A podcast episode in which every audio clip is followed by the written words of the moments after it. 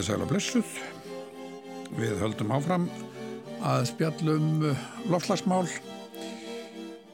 Hann setur með mér þessar vikurnar Haldur Björnsson, sérfæðingur á öðurstofunni og í dag þá fáum við til okkar Brynhildi Davíðsdóttur, professor í öðurlind og umhverfisækfræði við Háskóla Íslands.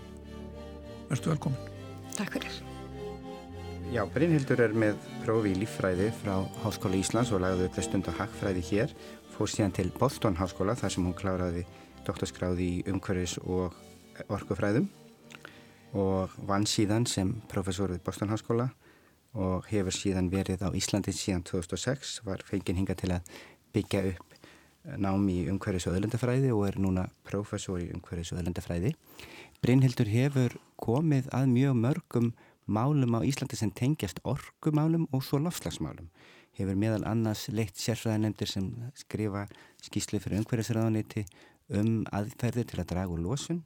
Hún hefur setið í vísindarnemndun lofslagsbreytingar og er núna af, er varaformaður uh, loftslagsráð sem er stjórnvöldum til raðgjafar og það má kannski spyrja þig bara svona hvernig, hvernig er leiðin frá, frá líffræði yfir í yfir í umhverjus og öðlendamál og svo lofslagsmál? Uh, já, hún, er, hún var svolítið skrekkjátt. Uh, ég byrjaði á því að læra lífræði hérna við Háskóla Íslands eins og, eins og þú sagðir á þann og það sem að mér þótti svo áhugavert var það að reyna að skilja betur hvernig maðurinn var að, að nýta náttúruna sér til hagsbóta en síðan uppgötði það í, í lífræðináminu að, að við komum ákveðlega lítið inn á þá þætti og þar að leiðandi fór ég yfir í hagfræði þar sem að ég bjóst við að, að þar yrði meira tekið á þeim málum. En þá aukvölduði það að í hagfræðinni var einungis þannig sem verið að tala um nýtinguna en ekkert spekulerað í uh, dýnamík lífkerfana sjálfs. Og þá langaði mig einhvern veginn að blanda líffræði og hagfræði saman. Og með það svona markmiði fór ég erlindi sér nám til Boston Háskóla eins og þú sæðir á þann. Þar sem ég fekk leifi til þess að blanda lífræði og hagfræði saman í námi sem geti kallast visthagfræði. Uh, síðan fór ég í doktorsnám við sama háskóla og eitt, og það er að segja doktorsverkefnið mitt sem ég síðan endaði með að vinna að var að skoða hvernig orkufreikur yðnaður í bandaríkjunum mögulega gæti dreyið úr losun gróðurlóftöfunda og þá hvernig orkufreikur yðnaður í bandaríkjunum myndi mögulega beregðast við ímsum uh, stjórntækjum sem bandaríkjastjórn geti beitt til að fá það til að draga úr uh, útstreymi. Þetta augljóslega var á, á árum Clintons en síðan síðar hefur náttúrulega lítið gerst, gerst í bandaríkjunum hvað varðar Uh, viðbröð við loslasbreytingum. En hefur eitthvað gerst í fræðunum? Það er að segja, þú, þú nefnir hérna bæði náttúruvísindi og, og, og hagfræði að það hafi skilningurinn á þessum tengingum ekki verið fyrir hvað bara tíu árum síðan ekki verið sem skildi eða þínu mati en hefur eitthvað gert síðan hefur orðið breyting á þessu? Ég held að, að það kannski er ekki alveg rétt að segja að skilningurinn hafi ekki verið fyrir hendi en það vil svo til að fræða greinarnar sjálfar eins og þeir eru kendar í háskólanum eru inn í svona ágjörðum eins og við kallum sílóum Já. Það er að segja lífræðinni sér og hagfræðinni sér og þetta er ekkit sér íslenskt fyrirbreyði, þetta er svona út um allan heim. Uh, en, en það sem hefur gerst núna og hefur gerst á síðustu 10 árum og reyndar síðustu 20 árum er einmitt að þessar fræðagreinar hafa færst nær hvorannari og við erum að fara að nýta miklu betur og meira þekkingu á lífkerfum í þá inn í hagfræðina já, já. Og, og það er einmitt þetta sem skiptur svo miklu máli þessi blanda, þessi þverfræðileiki skiptur svo miklu máli þegar við förum síðan að ræða um uh, loftlagsbreytingar. Vegna þess að til þess að virkilega geta að unnið á loftlagsbreytingum og skilið þær og síðan komið með mótvægisaðgerðir eða aðlugun þá þurfum við að skilja bæði eðlilífkerfana og þeirna fysisku kerfa og hvernig breytingar á þeim hafa síðan áhrif á henn mannlegu kerfi á samfélag mannana. Þannig að þessi tenging líffræði, hagfræði og náttúrulega félagsvísinda við á náttúruvísindin uh, er mjög nýtsamleg mm. í þessu samengi. Þú minnist það mitt á þetta að, að þú hafi verið að skoða viðbröð fyrirtækja við uh, þeim tólum sem að hérna, ríkisjórnin kynna að hafa. Og þá kemur við að þessu sama lítur að gilda hér. Við getum hugsað okkur að ríkisjórnin hafi úr ákveðnum svona hugmyndum að spila og getur telt fram orgu skatti eða, eða markmiðum um, um orgu skipti í samgöngum með eitthvað álíka. Og eru því þá að reyna að skoða og átt okkur á því hvernig það myndi ganga fyrir og hverjir, hverjir gangi í takt og, hverjir, og hvaða, hvaða viðbröð aðlar á markaði og í samfélaginu myndi hafa. Já, það má, það má sko, mínar fyrirrannsóknir uh, beindust að þá orkufröku minna í bandaríkanum. Ef við færum okkur til nútímans, eins og myndist á að þá flyttist ég til Íslands 2006, þá höfum við einmitt verið að, að skoða þessi atriði nákvæmlega eins og þú nefnir. Það er að segja hvernig þá mismunandi þættir Íslands samfélags mögulega munu bregðast við bæði áhrifuláttlöfsbreytinga sem og síðan hvernig stjórnvöld geta haft áhrif á þá samdrátt í lósungur óruslófthugunda sem og auka bindingu. Og það er margt sem stjórnvöld getur gert og við höfum einmitt velt fyrir okkur hverjir eru hinnir teknilegu möguleikar sem hægt er að, að nýta til þess að draga úr lósungur óruslófthugunda annars vegar og svo hins vegar hvaða stjórntæki stjórnvöld hafa til þess að þá láta þessa, þessa teknilegu möguleika raungerast. Þannig að það er svona eh, nákvæmlega einmitt eitthvað sem að við höfum verið að skoða og í, í þessu samengi hér getur við talað um til dæmis kólefni skattana, þeir eru náttúrulega hér sem, sem og ívilnanir til þess að þá hraðar afbílavæðingu mm. og ímsum öðrum, öðrum þáttum. Það er reyndar sko áhugavert í þessu samengi að við, það er stundum talað um að þessir, þessir þrýr möguleikar þegar vindur áfram að við getum dreyið og losun á einhvern nátt við getum aðlagast þeim breytingum sem verða og svo náttúrulega ef við gerum hvorut þá getum við þjáðst og takmarki hlýtur að vera að reyna einhvern veginn að aðlagast sem mest og draga sem mest úr losun til þess að lámarka þriða þáttin sem við erum öruglega sammálum að sé óaskilur en hérna, og þau kannski gaman að fá að ræða þetta því ég veit að þú hefur líka lagt rannsóknir að mitt á aðlöðunar möguleika Já, við emmitt í þá vísindarskíslinni, um, vísindarskíslinn loftarbreytinga sem kom út árið 2018 sem að Haldur þú stýrðir þeirri vinnu þar emmitt voru við að skoða möguleika til aðlögunar og, og þá sálsögði samhengi við þá vænt áhrif loftarbreytinga á þá Ísleis samfélag innviði frum atvinnuvegi og aðra atvinnuvegi svo sem eins og ferðarþjónustu og, og þá vorum við myndið að skoða einnig þá hvernig uh, stjórnvöld þurft að skipuleggja aðlögun.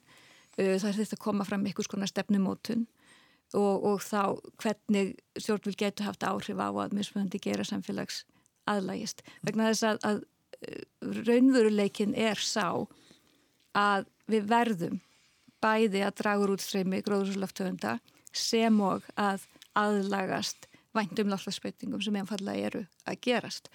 Og það er, það er vildi minnast á að það er kannski tvent sem að, að bæði aðlugunum mótvæðisaðgerðir eiga sameilegt og það er það í fyrsta lægi við verðum bregðastu strax núna. Eða við þurfum að fara að draga úr losun núna vegna þess að, að samdrátturinn tekur tíma. Og við verðum að byrja að hefja þessa vegferðað aðlugun núna einni vegna þess að tekur tíma að byggja upp þá og, og bæta innviðin okkar. Fer þetta saman? Í fljóttabræði þegar þú talar um aðalögun annarsvegar og, og að vinna gegn losun eða dragur losun þá finnst mann eins og að sá sem talar um aðlögun að það sé ákveðin hætt á því að hann ætla ekki að gera neitt í málnöldu bara að reyna að aðlagast vestnandi ástandi. Já, þetta er einmitt mjög góðu punktur og þetta er einmitt uh, svo litið ástæðin fyrir því að kannski aðlögun kom miklu setna fram á sjónasviðu heldur en þá mótvæðisakir það er að segja, mm. og því ég segi mótvæðisakir þá er ég að tala um hvernig við getum dreyið út streymi eða þá auki bindingu uh, og, og, en, og þannig að áherslan var fyrst til dæmis ínu áþauðlega samhengi á að draga úr útstreymi en núna er það viðurkjönd að við verðum að gera hvort tveggja og þannig að það er ofta að hugsa þetta sem svona tvær hliðar á, á sama peningnum. Og síðan þurfum við líka að hafa í huga að við þurfum að samræma áallanir eh, sem tengjast þá aðlugun annars vegar og mótvæðis aðgerum hins vegar. Vegna þess að, að aðgerða sem við ráðust í hvað var þar aðlugun við verum að passa þær auki ekki útstreymi. Mm, mm. og síðan þurfum við að passa að þær aðgerið sem við ráðumst í til að draga úr útstreymi hafi þá jákvæð áhrif og aðlugun. Þannig að við þurfum að hugsa um þetta allt saman í samhengi. En það var eitt annað sem ég vildi minnast á hvað varðar það sem þessi tvær aðgerðir, eða tveir hlutur sem að peningnum hafa samílegt. Ég sagði fyrst, fyrsta lagi að þið þurfti að ráðast í aðgerði strax og svo öðru lagi sem við gleymum oft er það að bæða aðlugun og mótvæðisageri geta haft gríðarlega jákvæð áhrif á samfélög til skemmri og lengri tíma, bursi frá loflagsbreytingunum sjálfum. Þannig að, að þetta er bara mjög nöðsynlega verkefni sem all samfélag þurfa og eru að ráðast í. Getum við þá sagt að, að vandamáli sé að lausnin sér einhverju fólkin í þér en að raða upp þeim lausnum sem að skila sem mestu og að hafa sem jákvæðust áhrif allavega það muni ganga best til að byrja með. Nákvæmlega og það er með það sem til dæmi stjórnvöld uh, út um allan heim, aftur það er ekki sér íslenskt fyrirbreyði að þegar kemur að til dæmis mótvægisaðgerðum þá er það sem að stjórnvöld hafa gert er það að það sem þú gerir er að þú greinir mismunandi uh, mótvægisaðgerðir uh, þú skoðar hversu mikið hver og einn getur dreyður út streymi og þú metur hvað hver og einn kostar og sum, í sumar getur við ráðist í með beinum ávinningi og þú síðan forgangsraðar mótvæðisækjurum með það að sjóna með því að ráðast í þar aðgerið fyrst sem að skila sem mestu og kosta sem minnst eða þá að einfallega gefa okkur ávinning. Það sama er með síðan aðlögunina, það sem þú gerir þar er að þú metur áhættu, það er að segja að fyrst skoður er náttúrulega vænt áhrif, loslegsbreytinga á samfélagið, þú metur áhættuna og, og það er að segja hættu á tjónum uh, og síðan forgangsraðuru aðgerðum sem að, að þannig að, að þú ræðist fyrst í þar aðgerðir sem draga sem mest úr tjónum. Það áttu við, þú sagði ráðan að, að þetta væri gott fyrir samfélag eiginlega busti frá lofslagsmálum ertu þá að tala er þetta eitthvað svona, svona uppeldisfræðileg álíktun síð, síðfræðileg eða hvað? Það sé gott fyrir já. samfélag að reyna að bæta sig? Já, já, já, það er alveg þetta að hugsa um þannig, það er líka þetta að hugsa um það eins og e, ískaldur hægfræðingur og, og vegna þess að þegar við skoðum til dæmis hægræn áhrif og þjóðhagsleg áhrif af ýmsum aðgerðin sem við getum ráðist í sem varða mótvæðisaðgerðir, þá sjáum við að það einfallega hefa lengri, þegar lengri tíma er litið jákvæð þjóðhagslega áhrif. Mm. Hér er ég til dæmis að vísa í svo sem rafbílaveðinguna. En síðan eru önnur aðriði sem að, að hafa áhrif, eða það er að segja samdráttir útstreymi, hafa jákvæð áhrif til dæmis á loftmengun, það getur aukið orku öryggi og ymsi slíki þættir sem að skipta máli. Þannig að bara rafbílavæðingin, bara við aðeins förum ofan í eitt af þessum dæmum. Uh, hver eru það þessi netto jákvæða áhrif sem að yfirvinna þá hugsanlega neikvæða áhrif sem að sjálfsagt margir sem eru að hugsa fyrir sér og eitthvað með rafbílið ekki geta séð fyrir sér að vera ramaslausir einhver staðar eða eitthvað þannig. Það myndir flokka það sem neikvæða áhrif. En, en hver eru þessi heildar jákvæða áhrif sem að Þau geta verið til dæmis að getur, þetta getur haft uh, jákvæða áhrif á viðskiptajöfnu til dæmis Þetta, Af því að við þurfum ekki að flytja nólju. Við þurfum ekki að flytja nólju og það er gerst ráð fyrir að verð rafbíla verði til japsvið uh, þá bensin olju knúna bíla, eða dísil knúna bíla uh, í náinni framtíð. Þannig að það hefur áhrif á það. Uh, það, það er líka jákvægt og jákvægt fyrir ímynd landsins að við förum að reyða okkur alfarið til dæmis á innlenda endurníjanlega orkugjafa. Eh, þetta, þetta einfallega eh, er, er mikilvægt fyrir okkur sem til dæmis ferðamannaland. Þannig að, að, að þetta er ímislegt sem að kemur til sem er virkilega jákvægt og aftur eins og ég myndist á áðan eh, er að það að hætta og draga úr, úr notkun jarðumhelsneitis hefur einnig á jákvæða áhrif til dæmis á loftmengun ja. og aðra þætti. Ef við, en ef, við, ef það er að segja einungis einblímum á til dæmis rafbílavæðingu en það er önnur aðgerð sem að, að ég vildi líka minnast á í þessu samhengi sem að skiptir máli þegar kemur að, að þjóðarhag mm. og það er aukinn binding uh, í þá til dæmis uh, getum sagt til dæmis með skórætt landgræðslu nú eða endurheimt votlendis vegna þess að jú, þetta eru lofslast tengdar aðgerðir en þessar aðgerðir einnig uh, auka það sem við köllum náttúruauð þetta auðgar landið okkar, það græðir landið okkar aftur. Og eitt af, af stæst umhverjus vandamálum landsins hefur verið upplástur og, og þessar aðgerðir, þessar loftlast tengdu aðgerðir hafa jákvæð áhrif þar. Og aftur þetta hefur allt áhrif á þjóðarhag. Má ég benda á þetta? Ég, við, í, í skýslu um vístalendar um loftsbreytingar þá reyndum að taka saman hérna hvað er mikið losun frá Íslandi og þá eru svona þættir hérna, losun manna var minni mig á samfélagsins cirka 3,6 miljónir stóruðjan ofan á það cirka 2 miljónir uh, tonna af, af CO2 og, og svo kom flýið ofan á það gæt maður tekið, það er að vísu yfirleitt aðeins utan við svega og svo kom þessi losun frá, frá Votlendi sem var mjög óviss en, en talan sem hann hafa á henni er svona cirka 10 síðan eftir að þetta gefið út þá hef ég heyrt nýja rannsóknir sem að benda á að losun bara sem er að verða vegna svona gróðurlendi sem á einhvern nátt hefur hörnað og er, við myndum kannski tala um bara sem ábyggt land eða, eða illa statt land einhver staðar að það er, miklu, að það er á bylnu 2 til 20 óvisa náttúrulega alveg æfintýraleg en hérna það segir okkur í minnstafallir eins og stóriðjan og, og í verstafalli tíu sem það. Þannig að hljómar eins og þarna sé alveg hægt að þarna sé einhver staðar hægt að taka á og, og, hérna, og, og binda eitthvað. Það minnskosti dragulósun.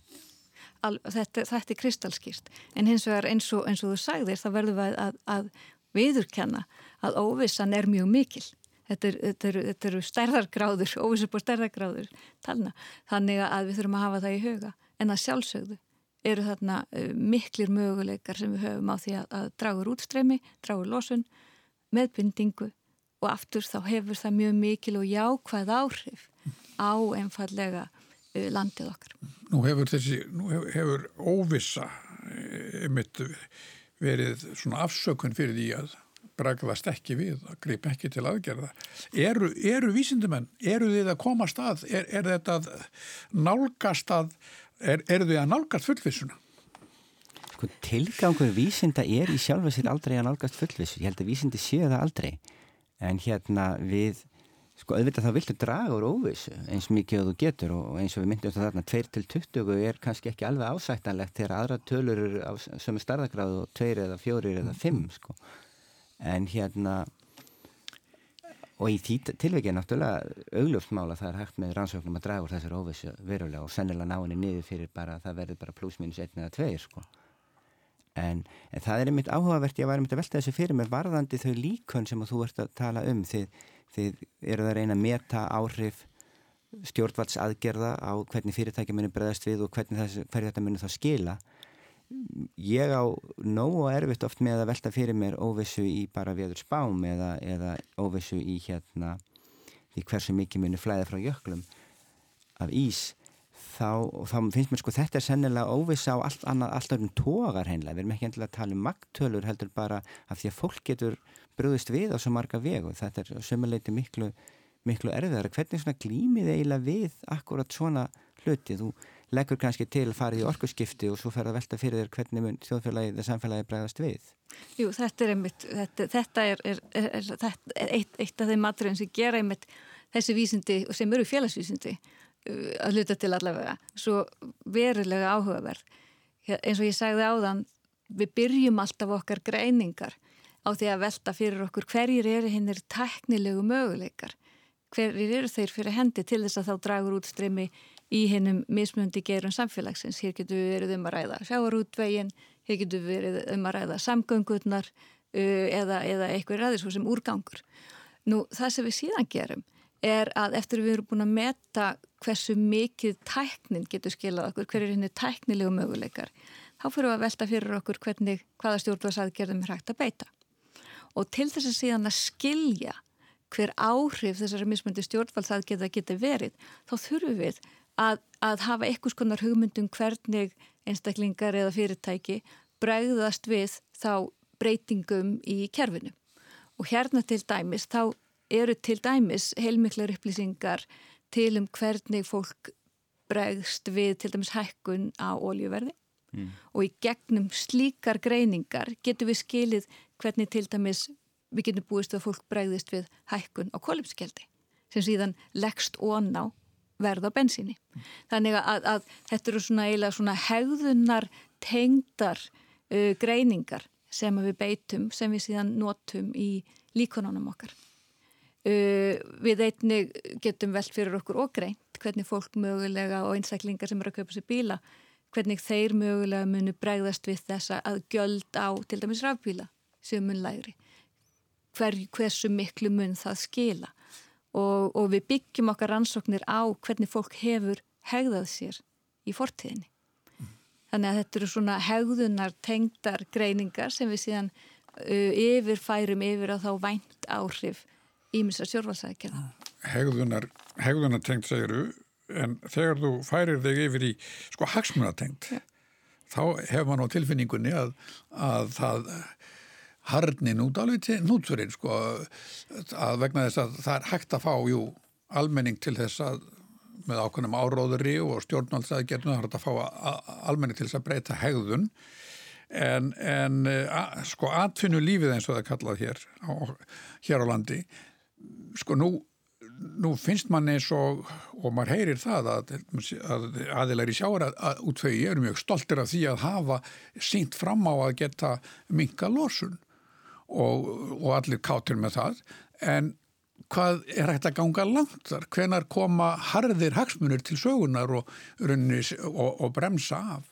Náttúrulega hagsmunir eru alltaf til staðar og við sem neytundur, við, við höfum okkar eigin hagsmun einnig Þannig að við skulum ekki taka okkur eitt út fyrir svega þegar kemur að hagsmunum. Nei, nei, nei. En, en svona, það, það meina ég hérna almenna neytanda. Mm. En að sjálfsögðu eru fyrirtæki í, í hagsmunu gæslu. En það sem er áhugavert við til dæmis uh, aðgerðir sem dráðlósum gróðurlöftöfunda er það að margar aðgerðir sem að fyrirtæki geta ráðist í eru einfallega þeim til hagspóta.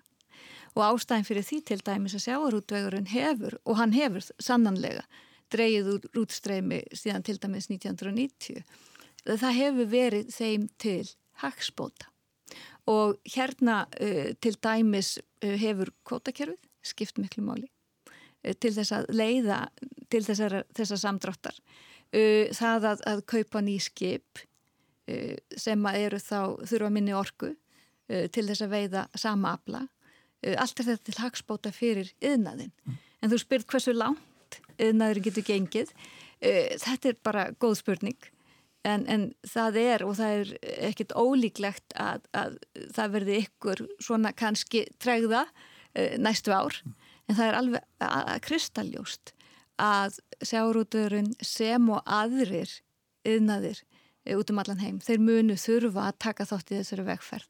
Það munu allir þurfa að draga úr út streymi og auðvitað er best að yðnaðurinn taki þau skref sjálfur og drægi úr útstreymi sjálfviljugur. Það er alltaf þeim til lagspáta að ganga fram með góðu fordæmi. Mm, mm.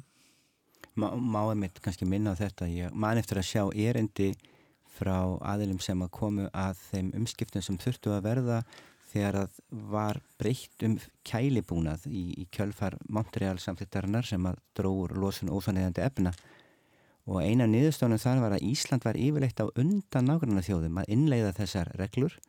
Fyrirtæki hér voru fyrir til að gera þetta. Og þessi þekking hvernig maður á að nálgast breytan kælubúnað var síðan útflutningsafur sem mann fluttu til Kanada og til Færeia og, og andra nákvæmlanda þannig að það að vera fyrr þó að það sé auðvitað alltaf kostnað samt að skipta þá, þá hérna gæt það allavega orðið manni líka einhver ábáti að, að vera undan öðrum Nákvæmlega og við bara tekum þennan þráð að þá sjáum við þetta hér líka á Íslandi þó svo það er ekki beint þrýst á það ennþá það kemur að, að íslensku orkufyrirtækjanum og eitt frábært í raun dæmum það er Karpvíksverkefnið og Karpvíksverkefnin kannski Karpvíks, Já, aðeins, aðeins segja frá því. Þar er uh, þetta er samstagsverkefni þá Háskóla Íslands uh, Kolumbíja Háskóla, Orkuvítur Reykjavík og svo Háskóla í Fraklandi og Háskóli Íslands hefur verið leiðandi í þessu verkefni sem orkautur Reykjavíkur. Og það sem hefur verið gert þar er að uh, útstreymi kólefnis, kólvísýrings frá þá helliseða virkun hefur verið fangað og því síðan uh, dælt aftur niður í jarðhitta geimin þar sem það verður að steint á innamið tveimur árum Þegar það verður að steint þá ertu búin að taka það varanlega í burtu. Þá ertu búin að taka það varanlega burtu og, og þetta er það sem kallast uh, á vondri íslensku CCS eða þetta er svo, svo kvöldu kólefnisföngun mm. og síðan förgun og, og þetta er í raun að veru að mínumatti vísendalegt afreg að hafa uppgötvað þessa leið til þess að fanga og farga og uh, svona þessar venjulegu leiðir til föngunar og förgunar leiða í raun ekki til þess að kólefnið verði að steint heldur það er einnig skemmt í jarlugunum mjög lengi en þarna verður það að föstu efni. Verður það grjóti? Verður það grjóti raun og verður emmitt en enda kallast verkefni úr gasi í grjót uh, og, og það sem er að gerast núna vonandi er þá að, að fleiri geti farið að nýta sér þessa aðferð.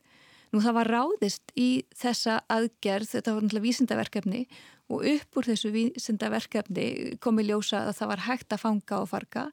Það var farið að, að Orkveitur Reykjavíkur einni fór að vinna að því að dragur losun þá brennisteinsvetnis á sama hátt.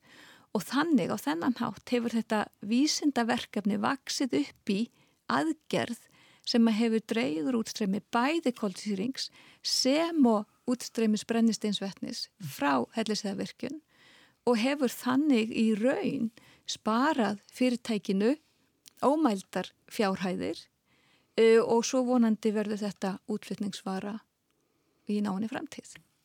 Og, og það sem er áhugavert vonandi er að, að mögulega geta þá íslensku álverðin farið að nýta þessa aðferð einnig. Það maður kannski benda hér á svona fyrir hlustendur að hérna, einna mörgum höttum sem að Brynhildur Ber er, stjórnarformaður hjá orkuveitinni. Þakka þér fyrir að minnum á það. Þannig, það þannig, var mjög mikilvægt, það kemur fram. Hún er vel aðsér um þetta verkefni.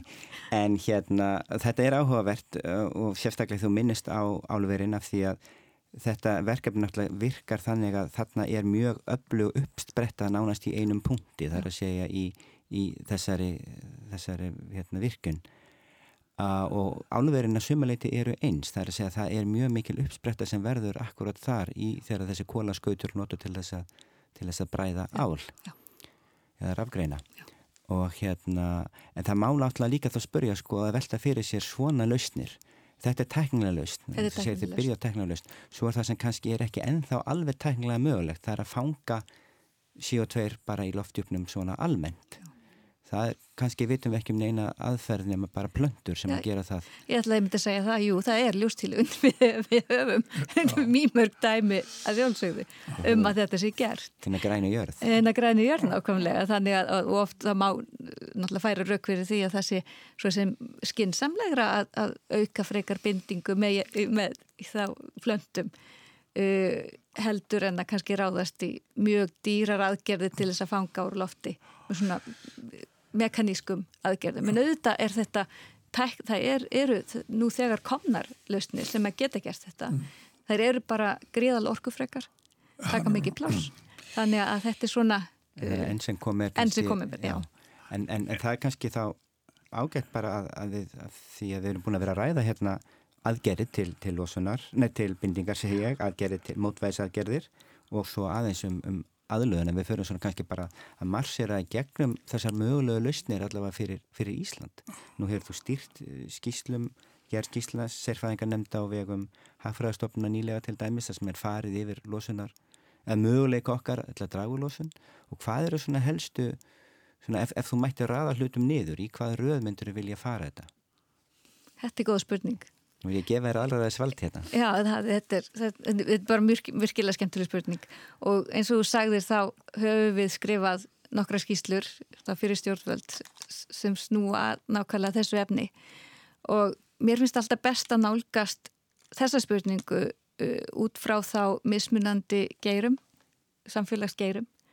Og síðan þannig sé forgangsræða innan hvers geira uh, vegna þess að þurfa, við þurfum að ráðast í aðgerðir allstaðar það þurfa allir að gera sitt. Og þess vegna vil ég frekar leggja áherslu á að, að hver geiri þurfa að gera sitt og þá forgangsræðina hvers gera uh, ef við horfum fyrst á til dæmis samgöngur vegna þess að, að það er heilmikið útstreymi sem kemur frá samgöngum uh, þar ráðust við fyrst á aðgerðir til dæmis eða ráðust í aðgerðir sem að þá skila miklu og kosti ekki mjög mikið og út af þessu nákvæmlega út af greiningum okkar hefur einmitt verið þrýst á að við förum í rafbílaveðingu og það kemur greinilega fram í okkar rannsóknum að rafbílaveðing uh, skilar miklum samdrætti uh, og þegar til lengri tíma litið, eins og ég hef sagði á þann, skilar það þjóhastlegum netto ábata, það skilar einni ábata fyrir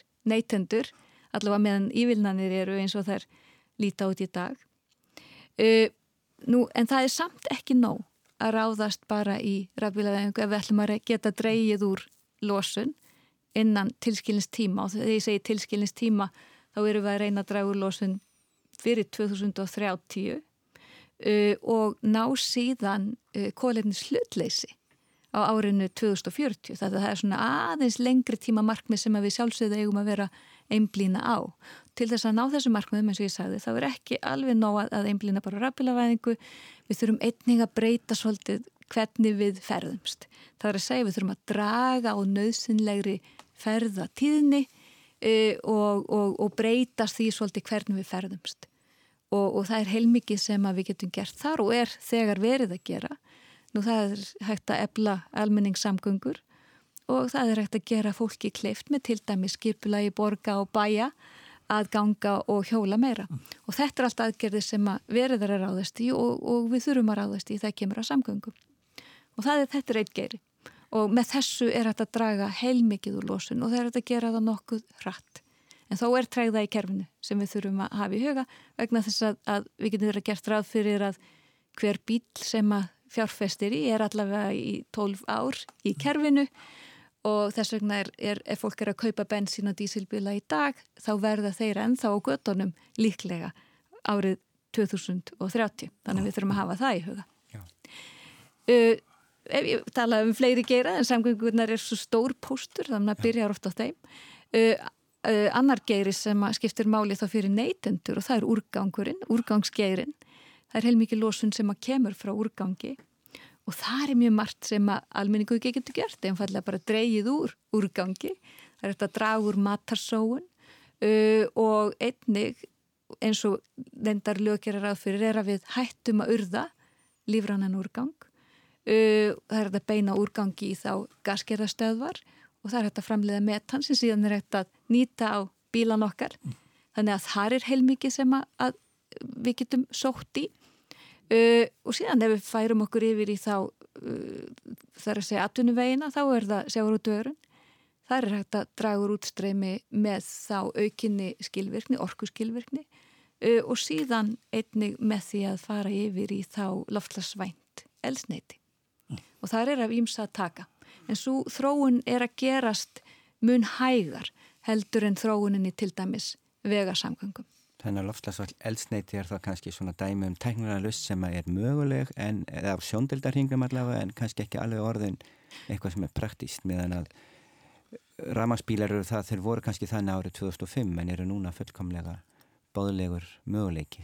Já, það, það má samt alveg halda því fram að, að, að uh, það að nýta lofslagsvænt elstneiti í sjáruðdegi er alveg, eins og segir, teknilega báðulegur uh, möguleiki. Það er, er alveg hægt. Hins vegar uh, verður að benda á það að, að til þess að geta nýtt uh, lífelsneiti í sjáruðdegi til dæmis að þurfa velar að vera vottaðar uh, til þess að það megi gera það og það er ekkit margir aðilar í heiminum sem að votta slíkt, þannig að framleiða vélar sem eru, eru vottaðar, þannig að, að það er svolítið tregða þar í kerfin en tæknilega séð er þetta alveg hægt. En er frambóð á lífelsneiti nægt? Náttúrulega ef við horfum að bara framleiðsla á Íslandi, þá náttúrulega er ekki frambóð á, á lífelsneiti framleitt á Íslandi Nei. nægilegt og það er mjög ólíklegt að mínu mati að, að það verði það uh, einfallega vegna þess að þá koma til dæmis Uh, svona konfliktar við aðra nýtingu lands og svo framvegis uh, og við verðum, viljum kannski ekki brjóta meira land með skurðum eins og, eins og kom fram hérna á það er greiðli losun sem verður vegna þess að við séum að, að grafa skurði Já. en það er ræktað lífelsneiti erlendis og það má alveg flytja það inn og síðan má alveg minnast á að það er náttúrulega framleitt til dæmis eins og metanól uh, út í svartsengi hjá fyrirtækinu Carbon Recycling International sem hægt er að nýta mm á skip. Þannig að það eru fjölmarkir möguleikar í bóði uh, en þetta tekur allt tíma en ég, ég bært sín að sjáarútuverum muni taka við sér hratt mm.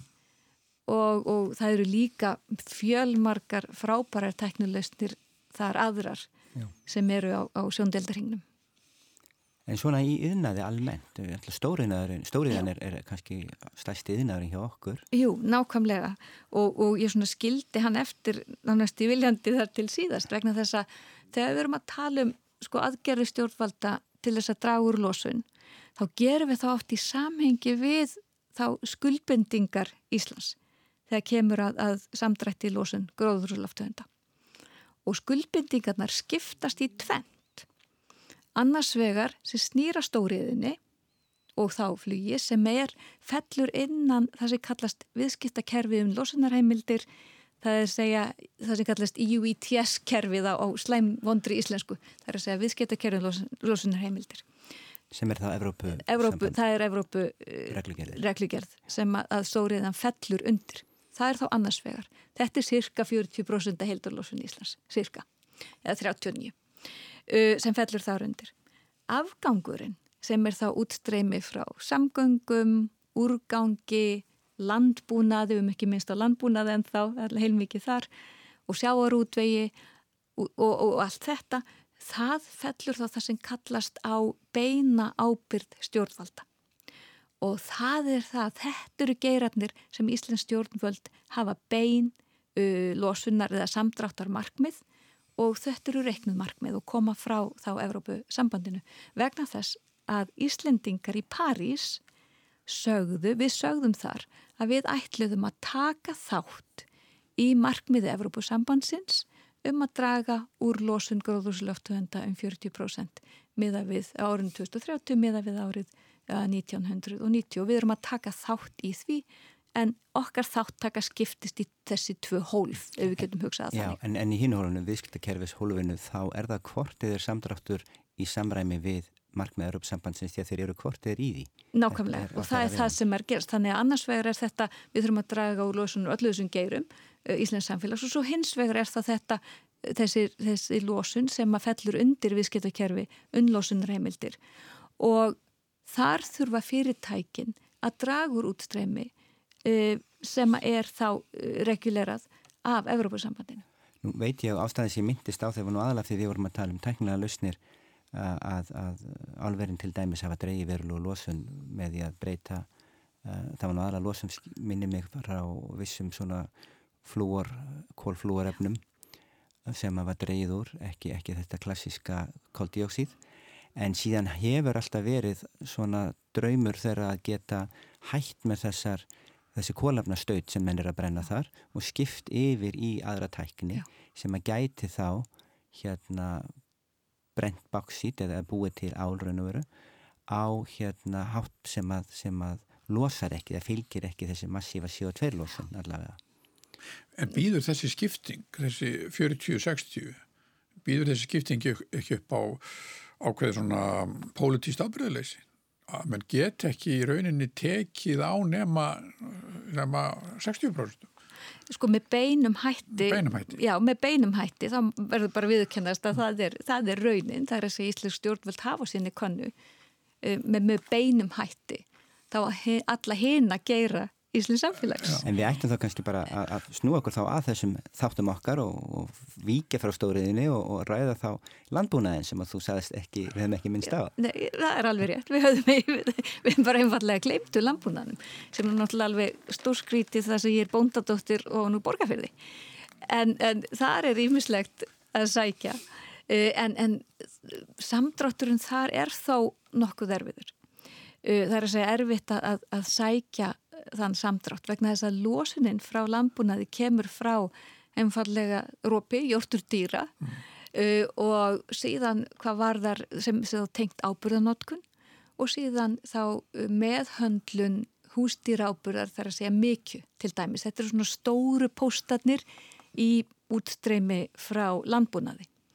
Nú það sem væri hægt að gera og það er verið að horfa á og það eru mikla rannsóknir sem eru núna að fara fram á þessum þáttum erlendis.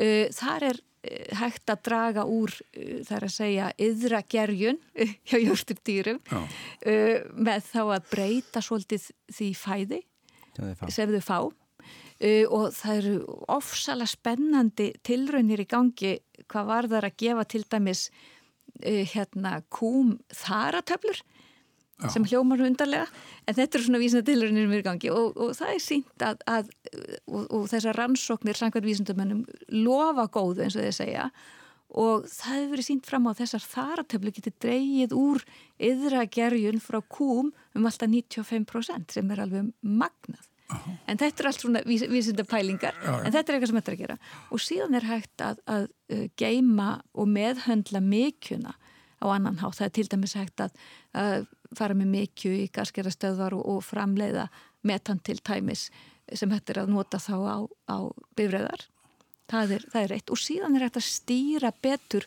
notkun áburðar.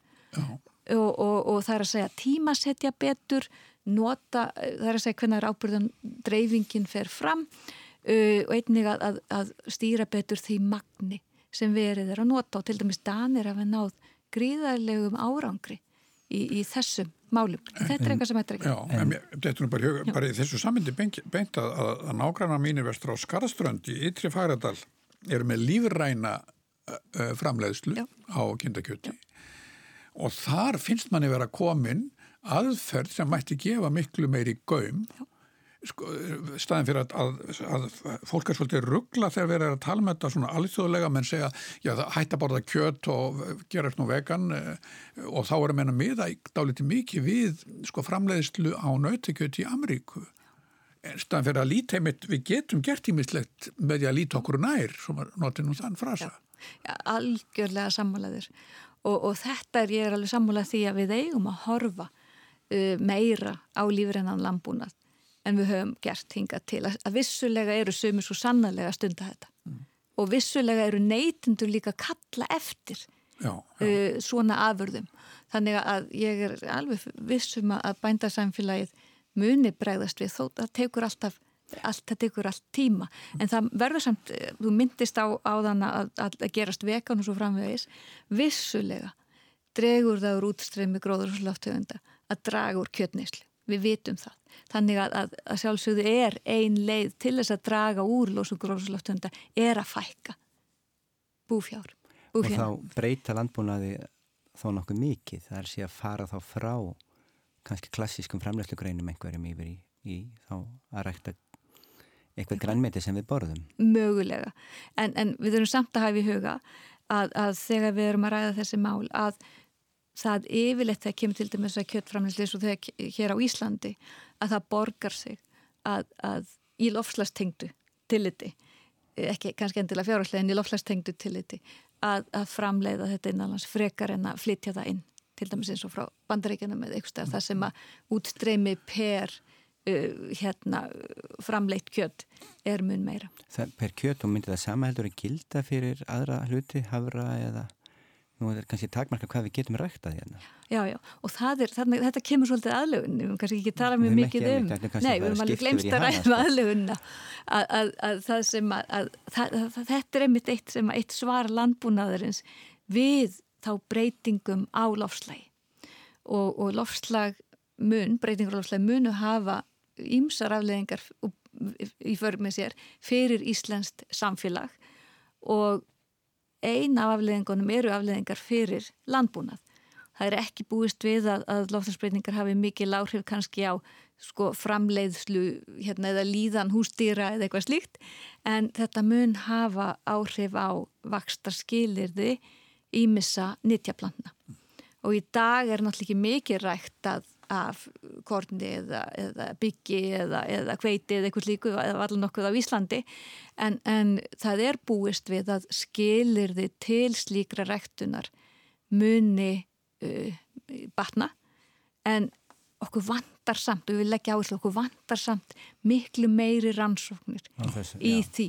Og, og þegar við unnum til dæmis vísindarskísluna um þá loftlagsbreytingar og áhrif loftlagsbreytingar á Íslands samfélag uh, og það er að segja fysisk kerfu í Íslands samfélag þá sáum við um, og fundum fyrir því mjög áþreifanlega hversu okkur skortir mikið af rannsóknum á, vænt, af, á þessi væntu áhrif á þá landbúnað, á sjáarútveginn, á innviðin okkar líka, á ferðamennskuna. Mm.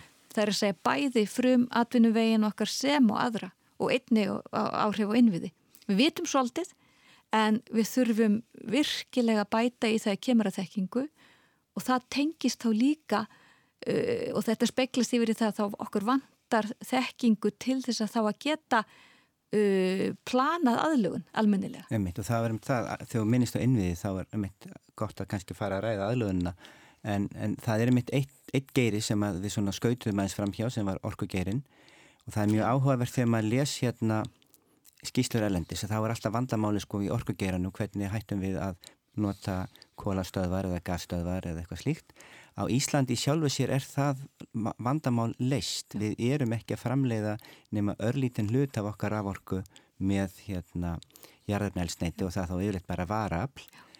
En hérna ein af áhrifum loflasbreytinga á orkugeiran er einmitt það að eins og Tómas Jóhannesson rætti hér að jöklar okkar bráðna og þá munum við nokkra, nokkra áratvíi fá umfram vassorku inn í mhm. kerfið mm -hmm. og eina af áskorunum hjá landsvirkjun og fleirum hefur verið að, að hanna kerfið þannig að það getur brúðis við þessu Já. og hérna og þá komum við kannski líka að því þetta er ein afleiðing að hérna fyrir, fyrir orkugeira sem að þarf ákveðra aðlöðuna til og þessi aðlöðin sjálf og sér gerist að mörguleiti sjálfkrafa því það er hagnaða von í henni. Mm en svo höfum við aðra innviði þar sem að þarf aðlöðunar til og þú varst búin að minnast hér áður á sko hérna sorp. En, en, en svona tengt í er, er önnur, önnur losun, önnur fráveita sem er einmitt dæmu um, um, um innviði eða innviði að geira það sem að einhverja aðlöðar er þörf. Nákvæmlega og það sem að, að, gott og kemur einmitt inn á þetta vegna þess að oft hugsu við um aðlögum bara eins og þessi aðlögun að einungis einhverju sem er mjög neikvægt Eh, eða neikvæðum áhrifum lofslagsbreytinga aðlögun felur í sér bæði þá að draga úr neikvæðum áhrifum lofslagsbreytinga eða komi veg fyrir neikvæða viðburði sem hafa neikvæða áhrif á samfélag en hún felur líka í sér að reyna að nýta okkur þá mögulega einhver jákvæð áhrif lofslagsbreytinga og dæmis að þú tókst aðan haldur var nákvæmlega eins og fyrir þá uh, orkufyrirtækinu okkar sem nýta sér vassafl, þá er búist við að vinnanlegt vassafl uh, muni aukast um cirka 20% ef ég manna rétt til 2050 og í dag uh, höfum við getum að, að ná cirka, rúmlega, cirka 35-6% af því. Þannig að þar eru heilmikla fjárfestingar sem að til dæmis þá aðla landsfyrkjun getur ráðist í. En, en síðan eru þá aðrir innviðir sem við þurfum að hafa í huga og þurfum að bregðast við og þá er einmitt eins og fráveitan. Uh, þar uh, þarf að styrkja kerfin og það eru reyndar ekki marga aftur, það hefur vantar rannsóknir, ekki marga rannsóknir sem hafi verið gerðar á til dæmis fráveitu kerfum uh, Reykjavíkur en það eru þó allavega tvær og, og þar sína, þær sína að það er að segja vegna aukina lofðarspreytinga eða vegna lofðarspreytinga þá er mjög líklegt að úrkomum ákefð muni aukast mm. sem og að, að uh, yfirbor sjáar muni hækka. Hvaða máli skipta það fyrir fráðutekerfin? Jú, uh, sumkerfana eru þessi kallist einfaldkerfi og þau blanda saman til dæmis ofanvatni sem kemur frá regni og síðan skólpi mm. og síðan fara fráðutekerfin okkar út í hafið og hafið þá sem kallast viðtæki og það sem gerist er að ef að yfirbor sjávar hækkar og aukin úrkomu á kefð verður, það er að segja að það rignir meira, þá rennur hægar úr fráhættukerfum okkur út í sjóin vegna þess að yfirbúr sjáar hefur hækkað vegna þess að sjórin eru viðtækin sem og að meira magn fer í kerfin okkar. Og allt þetta leiði til þess að fráhættukerfin mögulega hafa ekki við. Og þetta þarf að velta fyrir sér. Og ég veit að, að sjálfsögðu eru uh, fyrirtækin sem að sjá um fráhættukerfin að sjálfsögðu að velta þessu fyrir sér. Þetta er svo ég sé nú ekki endilega flókið en þetta er svo margþætt Já. og það sem er svo ábyrgandi þegar að hlusta á ykkur að þetta er svo margþættur vandi og þá eru spurningin sem ég veit að því er ekkert að bera fyrir vísindamenn sko þar þurfum menn ekki að vera í rauninni fanatískari og harðari í kröfunni til stjórnvalda um að reyna að, að stýra þróuninni. Mér dettur þau hug bara að vorum að tala um þessa tæknilegu lausnir eins og niðurdælingunni og að, að, að steingera hérna, uh, kólefnis uh, útblásturinn. Sko er þetta ekki samt alveg sko satanist fyrirbæri, er þetta ekki alveg stór hættulegt vegna þess að þá þannig er komin lausn og við þurfum ekkert að gera? Ha, það hérna, er bara að leysum þetta. kannski við hæfi eftir að við erum að tala við guðfræðing og það fara að tala um satanist fyrirbæri Ég veit ekki hvort ég tjá mig eitthvað um þetta. Nei, en, en, en bara það sem þú sagðir var það að, að hvort að stjórnvöld þurfi ekki að vera miklu harðir auðvitað, auðvitað þurfa stjórnvöld að vera harð og, og ég, ég held að, að þú veist að, að metnaðarfullar aðgerðir metnaðarfull markmið stjórnvalda held að það er forsenda þess að við náum að bregðast við í tæka tíð. En þau þurfa líka sína framsýni þegar kemur aðlugun okkur vantar stefnum mótum þar. Sko, þetta verða, þetta eru öflug loka orð Fín loka orð Brynhildur Davidsdóttir Bestu takki fyrir að spjalla við okkur Haldur Björnsson og hlustendur í dag. Takk fyrir mig